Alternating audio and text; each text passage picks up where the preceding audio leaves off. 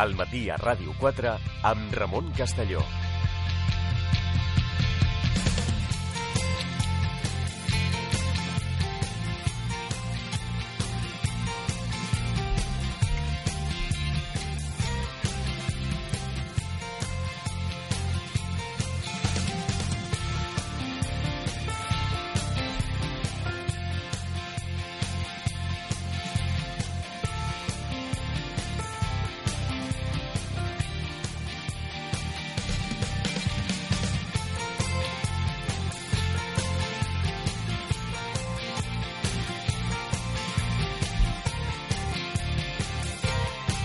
Continuem al matí a Ràdio 4, teníem a pendent connectar amb ell, anàvem a l'any de temps, ho fem ara. Ferran Grau, què tal? Bon dia, on estàs? Doncs ja us ho diem, ja us ho diem nosaltres on està el Ferran. El Ferran està, està a la part alta de Barcelona per estar pendent de com, va, com avanci la meteorologia. Després de l'espai de, de cinema ja, ja en parlarem un altre cop amb el Ferran. Anem cap al cine, que s'està molt bé. Se'ns ha congelat, eh, el Ferran? Se'ns ha congelat, sí. Sí, sí, ara, ara el descongelem una mica de, de microones i després ja hi parlem a, a dos quarts. Uh, Guillem, què tal? Molt bon dia. Molt bé, preparat aquí per descongelar-me a les sales de cinema, que també és un bon lloc, tot i sí. hi ha algunes que no posen la calefacció. No? Crec que volen retallar per alguna banda i, i, i no vull ni noms, eh, però ho hem passat, malament, ho hem passat malament a alguna sala últimament. S'ha d'anar amb, la, amb la jaqueta sí, per si sí, de cas. Sí, i tant, i tant. Em va passar amb Star Wars i semblava jo... M'havia de ficar dintre de l'animal aquell que obre el Luke Skywalker allà el Han Solo per ficar el Luke Skywalker, en fi. Vinga, eh, que no costa res ara, posar una vinga. mica de calefacció, que per això anem al cinema... Avisar els, avisar els oients, que no és divendres, eh? No és és dijous, divendres. encara, encara us queda... No, no esteu a cap de setmana, eh? Ni són les No, 11, sinó és- que són les 10. Hi ha gent que li diu Juernes, aquest concepte Sí. del dijous de festa. Jo, a mi ja se m'ha passat això, ja era més a l'època universitària, ara ja els, els dijous són de... I els... Però bé, en tot cas, sí, eh, tenim un dia més a previsió no, per anar al cinema, fer-vos l'agenda. Eh, una setmaneta fluixeta, ara us Sí? explicaré. Hi ha una pel·lícula important, però la resta a, a nivell crític, eh? a nivell de qualitat, la resta hi han dues propostes molt comercials, eh, cada una ben diferent, sobretot, que, i una d'elles, sobretot, per mira, això que hem de descongelar-nos, no? I trencar el fred i obrir una mica de calor. És 50 sombres, eh, la tercera part d'aquesta saga. Encara, Cinema- encara faltava la tercera, no? Sí, cinema eròtic, com m'atreviria a dir, pseudo-eròtic, perquè realment ens ho podem fer mirar si, si un, pel·lícules de dues hores en només 5 minutets de cert erotisme són pel·lícules eròtiques. Eh, però bé, ja sabeu com és aquest fenomen de 50 sombres de Grey. En aquest cas, la tercera part, 50 sombres liberades, eh, són així el tràiler. Som-hi. Buenos días, mi esposa. Buenos días, mi esposo. Señora Gray, mire por la ventana. Voy a llevarte de fin de semana. Puedo creerme que esta sea mi vida, que esté viviendo contigo.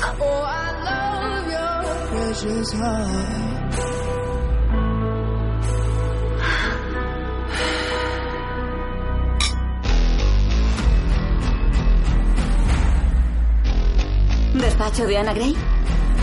Te recojo a las 5. Tal vez no haya terminado a esa hora. ¿Puedo conducir yo? No. En fi, Anastasia Steele ara és la senyora de Grey, la Anna Home. Grey. Um, bé, ja estan casats, però la felicitat es trencarà per un fet que en tornarà a portar uh, perill a la vida d'aquesta parella. Quina no? mandra, no, en general? Molta mandra. Més, o sigui, a més, si em preguntes què tal la pel·lícula no et puc contestar perquè mm, Universal ja des de la primera pel·lícula i ha creat una, una tendència que han repetit algunes altres pel·lícules que és no fem passes a premsa en lloc del món perquè Ah, no? no? volem que ens destrossin la pel·lícula i passem directament de la crítica. Cosa perillosa perquè realment eh, ens, ens aparten i demostren que aquesta, i, i moviments així demostren que aquestes pel·lícules eh, són més atraccions de, de promoció i màrqueting que, o excuses de pel·lícula que no pas eh, un producte amb una mínima qualitat. No? Eh, el fet és aquest, que ni s'atreveixen a, a ensenyar-ho per vergonya de que les crítiques negatives puguin eh, influenciar el públic. No? És una pel·lícula que hi ha una saga que aposta en que els seguidors i segui, sobretot les seguidores vagin al cinema les primeres setmanes, no? També aquelles persones curioses per saber aquell fenomen. Eh, recordem els llibres, més de 100 milions de còpies, eh, una, novel·la, una sèrie de novel·les eròtiques que més provenien del món del fanfiction, una escriptora que firmava amb el nom Snow Queen Ice Dragon eh, a internet fent aquestes novel·letes. Però bueno, al final també hi ha aquests fenòmens a vegades, no? I tampoc vull ser ara aquí pedant, no? En aquest sentit, eh, eh, benvinguda sigui la literatura, no? Però clar, no deixa de ser eh, un producte molt concret, d'una certa qualitat i que va funcionar més aviat per al morbo que despertava, que en veritat era menys era més la sensació de morbo yeah. exterior que no tant el producte en si, perquè, bueno, sí, les novel·les eren més pujades de to, la, amb les pel·lícules vam rebaixar moltíssim aquest to, fins a, a punts irrisoris, eh, que, que les postures i les coses sexuals que fan a la pel·lícula i, i més com les presenten és evident que no s'atreveixen a, a fer res mm, realment pujat de to, vull dir escenes de sexe en pantalons, per, explicar, per, per entendre'ns, no? Eh, és aquest concepte bueno, molt sui generis i molt de de Hollywood. cinema europeu, eh. Clar, és que ens han de venir aquí nosaltres amb, amb aquestes... No, i inclús... Cinema amb- francès, o o el mateix què sé. Hollywood. Va haver èpoques, l'època dels thrillers eròtics, a finals dels 80-90. Home, celebrats, sí, sí. Clar, jo vaig créixer amb aquelles pel·lícules, Sí, sí, ja t'ho puc dir sí, tot, sí, no? sí, no, no, no, no- però, eh, clar, llavors mm, també et fa reflexionar una mica, no?, sobre eh, els temps que corren, en- també a nivell de, de mm, sensibilitat sexual, no?, I, i, i fins a quin punt és més aviat eh, una estètica vàcua, no?, i, i buida, que no tant mm, cal, cal com en context, no? com són aquestes novel·les que són novel·les eh, amb un ús molt concret, no? i que la les pel·lícules en aquest cas només han buscat aprofitar-se de l'èxit o catapultar-lo encara més, no? Ja. amplificar-ho i, i bé, tenim a Dakota Johnson i Jamie Dornan seguint de protagonistes, a més uns protagonistes que sincerament no quallen molt a nivell de química, no, No hi ha hagut manera, eh? Ni en tres no, i a pel·lícules més, hem aconseguit. inclús les entrevistes ho veus, que no hi ha molt... No, no desperta molt un feeling entre ells. És com, ostres, precisament... O sigui, Sí, sí, havies no, d'apostar per alguna Sí, cosa sí. en aquest producte, era precisament això, no? que hi hagués una química Sí, sí. eh, carnal eh, Sí. amb aquests protagonistes, però no és així. Atenció, una cosa, no? Sí, eh, i bé, el director James Foley mm, ja feia un director que als, als 90 havia treballat en bones pel·lícules, com Glenn Gary i Glenn Ross, però que, bueno, mm, feia molt de temps que no treballava, no treballava molt i, i, i bueno, aquesta saga va anar al seu rescat, diguéssim, o, o viceversa, no sé molt bé quin seria.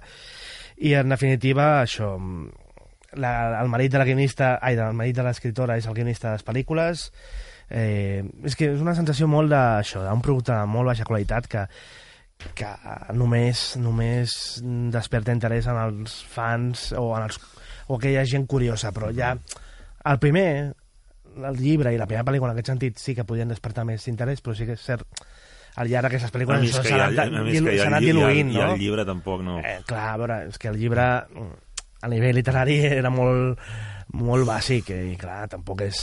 I òbviament d'aquí de, tampoc pots fer una meravella de pel·lícula, no?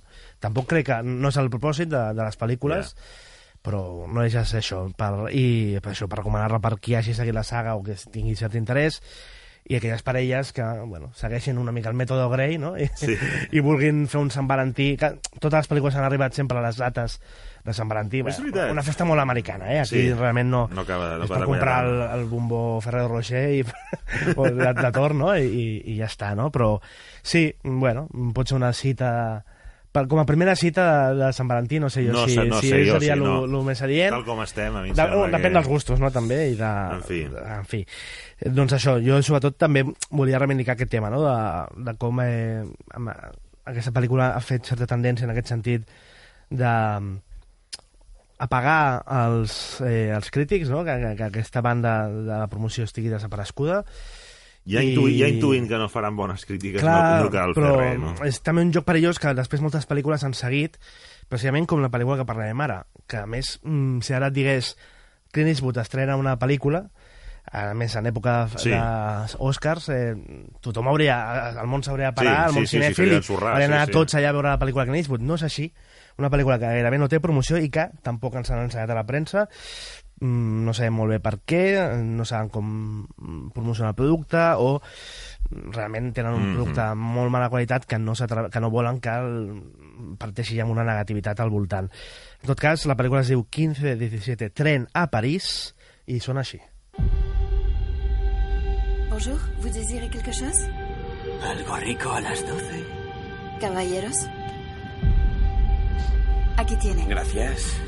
Mira qué pequeñita es. Oh, venga, no seas gilipollas.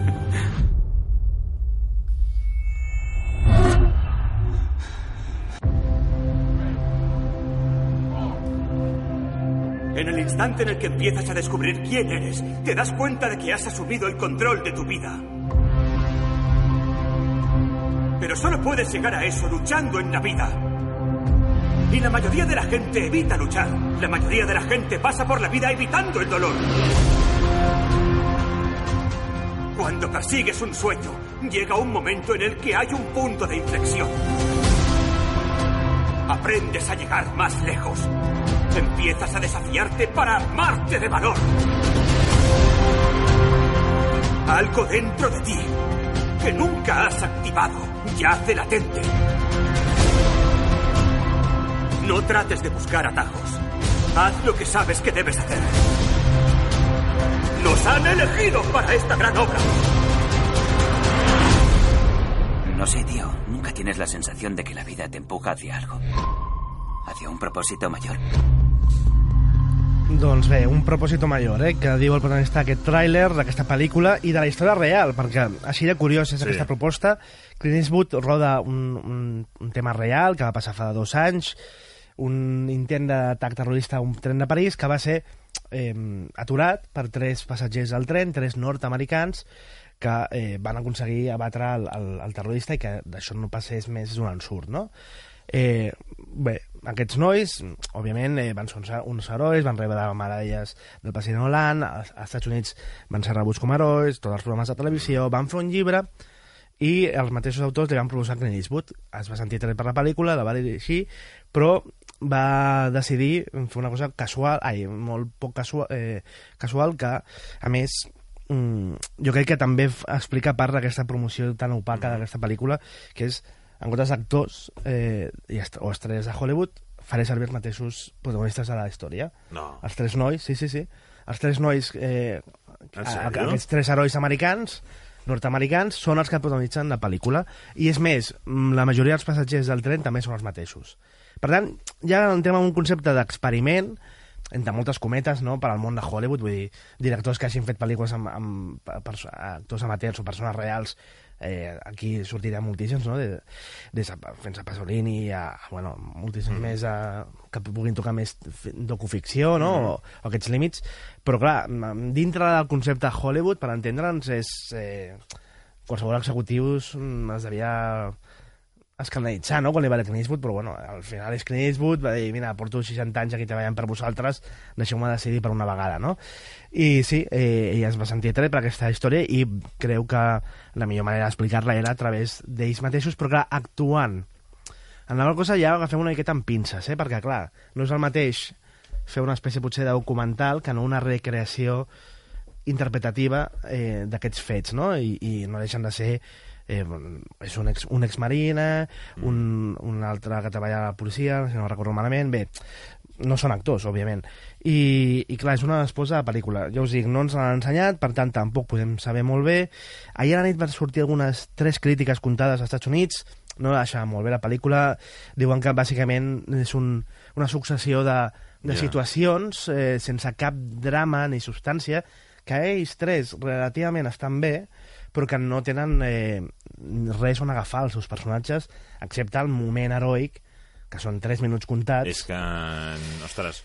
Clar. A mi em mm, passa ja... A mi, bueno, no sé si estàs d'acord, eh, però perquè a vegades es pot haver fet bé, jo no ho sé, però normalment a mi ja, quan em fan una pel·li d'una cosa que és molt molt recent en el temps, diguéssim, Totalment. eh, que no, no hem tingut... Eh, a mi, per exemple, m'encanta que em descobreixin a Argo tota, tota aquella història dels, dels, dels, dels hostatges, sí. etc. Però ja quan comencem amb pel·lis de que si Sarkozy, que si no sé què, que són coses de fa dos dies, eh, crec que falta la distància Totalment. perquè el personatge eh, o la situació maduri, per exemple. Jo sé que en aquest cas un dels nois, a més a més, jo diria, però vaja, no em vull equivocar, però que als Estats Units va rebre una pallissa fa, quan, dintre l'exèrcit. No dir, sí. I, doncs, escolta, potser espera, espera amb els anys... Dintre de l'exèrcit, vols dir? Sí, o no, no, un pub, o no va dir una història, Vale, una vale. història truculenta que no es va vincular que fos cap revenja, sinó que Ja. una, una mala nit, segurament. Però vaja, és igual, vull dir-te... Sí, no, al passar cap i a la fi, Que potser a si veure, dones una mica més de temps a les coses... No són Indiana Jones, són persones reals, Doncs, doncs, potser clar. aquell, aquell personatge té un heroi, però té una altra cara, com es digereix el ser un heroi... Clar, pots, totalment. pots donar molta més... I a més a més, si, si t'ho controlen és la història, diguéssim, a més a Clar. No sé, vull dir, a mi, és, que és el que tu dius. una cosa fa un dia... Totalment. No, a mi per no... això és una mescla de, de factors poc Tinc massa opinió atractius. pròpia per entendre's com Correcte. perquè m'expliquin una història. És una mescla de factors mm, poc atractius que, que sumen a aquesta pel·lícula i que fan que realment, mm, amb tota la pena del meu cor, eh, perquè òbviament Clint Eastwood eh, està en un altar, però que arribi aquesta pel·lícula que no sàpigues molt bé com encarar-la. És el que tu deies, i jo soc, estic molt a favor d'això i sempre ho he cregut, no? això de la distància, i, per exemple, eh, un, un exemple que sempre fiquem, eh, pel·lícules de guerra, no? A l'època que, que passava la guerra a Vietnam, Mhm.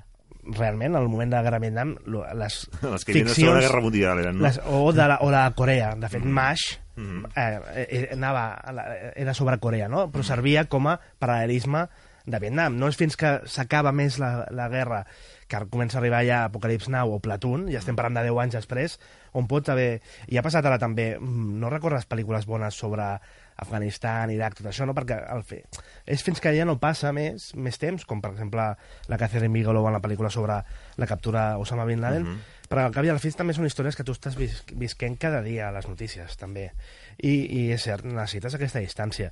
A més, aquest episodi, sí, va ser una, una notícia important, però tampoc en els anuaris no, del final d'any de recull de notícies tampoc és una de les notícies més... Però bé, ho hem d'entendre també o dona, molt... un, dona un marge, no sé. Sí, saps? ho hem d'entendre molt bé també des de la, la, la perspectiva yanqui, eh, nord-americana. Ja, ja, ja, ja. És una història molt nord-americana. molt, sí, sí, de història d'èxit. Eh, de... clar, per tres herois que tenen, que són ben vistos a Europa, per dir-ho d'alguna manera, no? també, eh, doncs, ells agafen això, aquesta història, Clint Eastwood, òbviament, se sent atret moltíssim. Ja l'última pel·lícula, de fet, ja era un cas real, aquest del Capitán Sully, Mhm. que va fer amb Tom Hanks, també bastant recent, però bueno, és Sí, un fet sí, suficientment excepcional, Sí. no? I a més, amb una estrella com Tom Hanks, que et porta la pel·lícula, que aquella pel·lícula realment estava molt bé. Sí, però ja estava més que anant cap als 10 anys que no cap Sí, als llavors, sí. clar, és això. Mm, A més, amb, amb els sectors reals. Eh, També una història, eh, uns dels protagonistes eh, amb certs tints eh, molt religiosos, que, bueno, són més atractius per, per aquest públic, no?, de, de, de l'Amèrica de, del centre i del sud. Veurem, eh, té tota la pinta de que no és un bon producte de Clint Eastwood i que, i que això passarà una miqueta mm, sense pena ni glòria, eh? però bé, mm, no deixa de ser curiós, no? també la, veure aquests nois actuant, actuant a si mateixos i Clint Eastwood que fa la seva pel·lícula més curta, 94 minuts i que, aviam, eh, si almenys a nivell d'acció té alguna interessant, no, també ho destacaré quan la pugui veure, però Mhm. en definitiva ja us dic, un producte estrany, eh? una pel·lícula estranya de, de Clint Eastwood que té un nitxo molt concret, a més també aspira una miqueta a no només a, a seguir amb Estela Sully, sinó sobretot amb el francotirador, que va ser la, és la seva pel·lícula més taquillera de la història, el Clint Eastwood, però que és un nitxo molt concret, no?, també, de, sobretot als Estats Units, que aquí costa, que, costa trobar els, els elements per per empatitzar no? amb tot això. En fi, però bueno, qui sigui fi- fidel a Clint Eastwood és una cita que, que haurà de complir aqu- aquesta setmana i també arribar Perfecte. cadascú a la seva conclusió, no? La següent pel·lícula també és una pel·lícula molt nord-americana, però que més aviat ens porta un, un costat tenebrós, eh, que de fet el director ja va explorar en les seves pel·lícules, és Sean Baker, es diu The Florida Project i té una nominació a l'Oscar que ara explicarem. Al lo detienen a menudo. En estos cuartos de aquí no podemos entrar. Pero vamos a entrar. ¡Ah, ah, ah! ¿Nos puede dar algo suelto, por favor? El médico dice que tenemos asma y que tenemos que comer helado inmediatamente. Aquí tenés. Hailey, tenemos un problema, abre. Es solo la segunda semana del verano y en la piscina ya ha aparecido un pez muerto. Intentábamos que resucitara. Y han lanzado globos de agua a los turistas. ¡Tetas! Fracasado como madre, Moni. Sí, mamá, eres una deshonra. ¿Trabajo nuevo? Sí. Si trabajas, ¿quién cuida de Mooney? Tú no eres mi padre. Es que no quiero ser no me tu puedes tratar así. Todo el mundo sabe lo que está pasando. todo el mundo. Está a punto de llorar. Siempre sé cuando los adultos están a punto de llorar. Bé, de Florida Project, eh, una pel·lícula, el seu nom no enganya, està ambientada a Florida, però a més a una situació molt, molt paradigmàtica, no? Que també serveix al director per fer una gran metàfora d'això que deien del costat tenebrós del somni americà. Eh, és- un, un trosset de la vida de- d'uns nens eh, que viuen a, a, mot- a motels de Florida, motels de, diguéssim, de la perifèria de Disney World, no? Mm. Que, per tant, per això us dèiem aquest paradigma, no? I aquesta metàfora, clar, justament a les portes de Disney World, no? Sí, una, una fantasia del sí. somni americà, diguéssim, eh, eh, té, hi ha aquest extraradi on milers de famílies malviuen, no? Pa, canvien d'habitació en habitació, eh, allò amb, amb totes les seves pertinences al cotxe i poca cosa més, no? I, que uns, i on uns nens eh, molt petitets, de 6 a 7 anys, una, dos nenes i un nen, la nena... Eh, que, òbviament, ac- actors eh, infantils, però que estan increïbles, sobretot la nena és, és magnífica.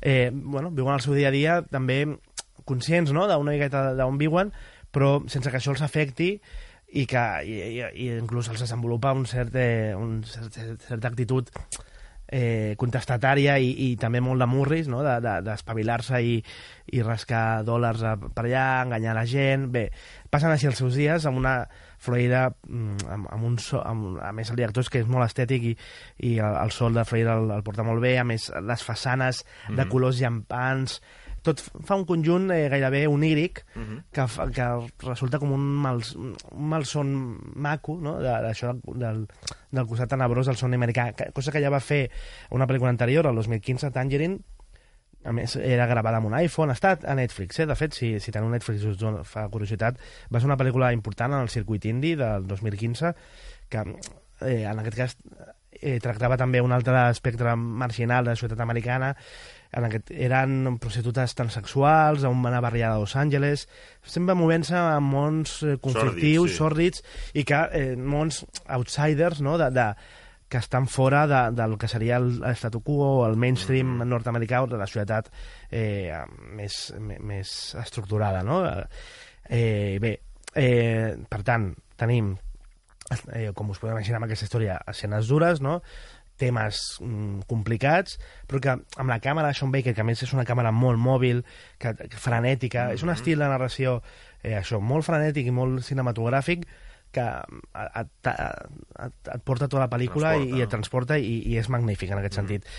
Sí que és cert que, sí que si la pel·lícula anterior que dèiem Tangerine eren també actors amateurs, que estaven molt bé i donava un cert realisme i naturalitat a la pel·lícula, ara fa un pas més endavant en el sentit més de la ficció no? i agafa un actoràs per fer un paper molt important eh, del mànager del motel, que és el Willem Dafoe, un actor que m'encanta i que ha aconseguit la tercera nominació de l'Oscar a la seva carrera amb aquesta pel·lícula, millor actor secundari. Qui sap, eh, segurament eh, té un gran rival, que és el Sam Rockwell de Tres eh, Anuncios en les afueres, que guanya tots els premis previs i que segurament guanyarà, però sí que és cert que si hi hagués un segon a la cursa, jo diria que Willem Dafoe, sens dubte, més, bé. Eh, és un actor que amb una carrera espectacular, que molts cops potser hem, hem relacionat més amb papers tenebrosos, no?, i de malvat, eh, de fet va, va ser nominat per La sombra del vampiro, no?, aquella pel·lícula on feia sobre, la, sobre el rodatge de Nosferatu, i, però jo és un actor que, que sempre l'he vist també una, una cara bona no? i tendra i a, a més aquí és lo, el que explota la pel·lícula és un paper molt humà molt tendre que, que ho porta genial el, el Willem Dafoe sens dubte aquesta pel·lícula és la pel·lícula de la setmana eh, sense cap mena de dubte segurament té una distribució més limitada, no? comparada amb les dues pel·lícules anteriors que hem parlat, però si heu de triar una pel·lícula de qualitat que, més, per mi hauria algun seguit més d'una nominació, és aquesta de Florida Project, que també això ens regala unes interpretacions eh, infantils espectaculars i també la- l'actriu que fa de mare a la nena, una, una noia amb problemes, també tractant la prostitució, la drogadicció, Mhm. temes eh, foscos que són la cara oculta no? o l'alta cara d'aquest somni americà que té el paradigma Disney World en aquesta pel·lícula d'aquesta Florida tan lluminosa però a la vegada que amaga tants drames. Florida Project, ja us dic, eh, una pel·lícula que val molt la pena. I per acabar, eh, també amb una temàtica similar, eh, amb nens amb problemes, en aquest cas un documental sobre nens amb malalties molt greus, que es diu Ganar al viento. Llave. Uno. Eso no es el uno. Sí. Oye, Shal, ¿sí? Seamos amigos para siempre. Y Max, ven, corre, rápido, que nos gana. Aquí tengo tres amigos. A veces les digo que he estado en consulta, en el hospital, aquí y allí. Tengo que explicarlo siempre otra vez. No es fácil. Seguim amb temes us, eh? Realment... Sí, noi, és una setmana... Sí, eh, gran de la, la, la parent alegria inicial, però la resta... Tal qual, i, i és això, són la història de cinc nens, eh, cinc històries dures, eh, nens de, que des que han nascut tenen malalties molt greus i que ja han après a viure amb aquesta malaltia i, i amb el- Sí. l'horitzó d'una mort eh, més propera que llunyana, no? I, però, no obstant això, és un documental eh, en el fons positiu, perquè bàsicament el que fa la directora és deixar que els nens ens expliquin les seves històries al seu ritme, eh, entrant en algunes escenes dures eh, que, òbvi, per la duresa del tema, et fan plorar, i és així, i, però que tot i així el missatge és positiu en el sentit de que són nens que veus que, que viuen la vida al màxim no? i que tampoc potser no hi donen tanta importància a la malaltia, sinó que bueno, és un fet més a la seva vida, que ho viuen amb la normalitat que ho pot viure un nen petit, que pot passar de fer un joc no? a, a rebre un tractament no? en, en, en qüestió de minuts. Eh, clar, a més, la directora eh, és una periodista que mm, ha patit a- aquest tema, ha perdut dos fills per unes malalties greus i que, que tot i així diu que va aprendre a, a viure la vida gràcies a, a l'experiència aquesta no, dels seus fills. I això ho transmet amb un documental que us dic, és dur, eh, però és molt, humi, molt, va molt de cara no? I, i molt honest en aquest sentit i, i, i té una, una, Una potència força, molt, molt destacada aquest canal al viento. Per acabar, si voleu, us vull fer algunes recomanacions. Eh, comentar un parell de temes a Netflix, perquè ha sigut una setmana molt curiosa en aquest sentit. Mhm. Um, perquè el diumenge passat va ser la Super Bowl eh, i, ja ho sabeu, és la gran atracció publicitària als Estats Units, són els anuncis més cars del món i Netflix va soltar un anunci on deia que a l'acabar la Super Bowl estrenava una pel·lícula de Cloverfield Paradox. Resulta que és la tercera part d'aquella saga que aquí es va dir Monstruoso, Mhm. el 2008, de J.J. Abrams, que també va ser una pel·li molt sorprenent, que va crear un públic de culte, que el 2016 va estrenar una nova pel·lícula dintre la saga, pel·lícula ex excel·lent, Calle Cloverfield 10, i que, en teoria, aquesta pel·lícula havia d'arribar a la tercera el 2017 i va tenir molts problemes, la Paramount l'anava canviant, havia un ronron estrany, i últimament havia el rumor que Netflix l'anava a comprar. El que no sabíem és que l'anava a comprar tan en seguida que ara l'estrenava gairebé sense promoció. Va ser un xoc i un nou moviment de màrqueting que, que pot causar precedents. I bé, si us mm, pica la curiositat i heu seguit aquesta saga, l'heu de veure, tot i que mm, personalment és la pitjor de la saga. I aquests problemes de retrasos que tenia, entenc que van, van fer molts canvis en l'edició i el guió i, i es nota, no?, que fa aigües per un parell de llocs, però bé, és entretinguda, això sí, eh? I, però és la pitjor de la saga. També aquest divendres, demà, s'estrenaran dues pel·lícules interessants, una comèdia, La primera vez que nos vimos, comèdia romàntica que també recicla una miqueta el tema de Atapado en el tiempo, no? Llavors és un noi que amb una un fotomatón màgic pot reviure el primer dia que va conèixer la noia que li agrada i així intentar-se lligar. I The Ritual, que és una pel·lícula de terror que vam veure a Sitges i que va guanyar el premi a millor actor. Això arribarà a Netflix aquesta setmana. I per acabar, si vols una recomanació cinematogràfica, a més o menys una mica d'autobombo, ara us explico, és un festival al cinemalia.cat, porta 13 edicions, cinema basc, a Barcelona, al Cinema Hombre, Girona. És Carricasco, eh? que És la- sí, la- sí. Del 8 la al gala 18, dels Goya, eh? que- tal, tal qual, de fet, també per això volia parlar, eh, unes pel·lícules que projectaran, acostumen a projectar pel·lícules inèdites del, del cinema basc, però una de les que eh, projectaran és Sandia, que la gran triomfadora dels, dels Goya a nivell tècnic, sobretot, mm. o numèric, no? Eh, Sí, malgrat que el gran premi va ser per la Liberia, és la pel·lícula que més premis has de portar, la podreu veure en aquest festival, i demà eh, passarà una pel·lícula que es diu Non, eh, a les 10 al Cinema Girona i jo mateix eh, la presentaré i, Ah, i conduiré el, el, el col·loqui, per això us deia una mica autobombo. Bé, bé, Guillem. Per tant, si Demà voleu al ves- una demà a la cita a nit, les eh? 10 de la nit al Cinema Girona, eh, en aquest festival. bé, eh, les sí, sí, jo faré un, un, un xacolí i uns pinxos, no? i allà amb una mica d'ànims eh, parlarem d'aquesta pel·lícula i amb els directors eh, eh, pa- parlarem això, amb l'Enaut Castanyet i el Ximon Fuchs, una pel·lícula al voltant del sindica- sindicalisme i bé, farem un col·loqui que espero que sigui interessant i si us crida d'atenció la proposta doncs ja, ja teniu plans per demà divendres eh, a la nit. I bé, mm, top 5, no, Ramon? Anem a top Fem- 5, va. Pocs canvis, ja us podeu imaginar perquè amb aquesta setmana de 50 sombres és, és difícil, tot i així hi ha una nova entrada, eh, la número 1 mantenim Call Me By Your Name, òbviament, una obra més imperrible que estaria empatada amb la número 2, que és El Hilo Invisible. Ara mateix eh, tenim unes grans pel·lícules i, i em costa eh, fer aquest top 5 perquè realment són meravelloses, com aquesta Hilo Invisible del Paul Thomas Anderson i el gran Daniel Lewis. Número 3 per The Freya Project, uh -huh. l'entrada de setmana, una pel·lícula també molt especial. Número 4 mantenim per aquí a Los Archivos del Pentágono, del gran Spielberg, una reivindicació del bon periodisme, i tanquem amb los tres anuncis en les afueres, que continua sent la gran favorita dels Oscars i és una pel·lícula impecable que, que et deixa també tocat amb el seu poderós missatge i les grans interpretacions de Francis McDormand i Sam Rockwell. Doncs, uh, Ja ho tenim, Guillem això. Marí, moltíssimes gràcies. A vosaltres. Ens retrobem la setmana que ve. Fins divendres, hasta la setmana que ve.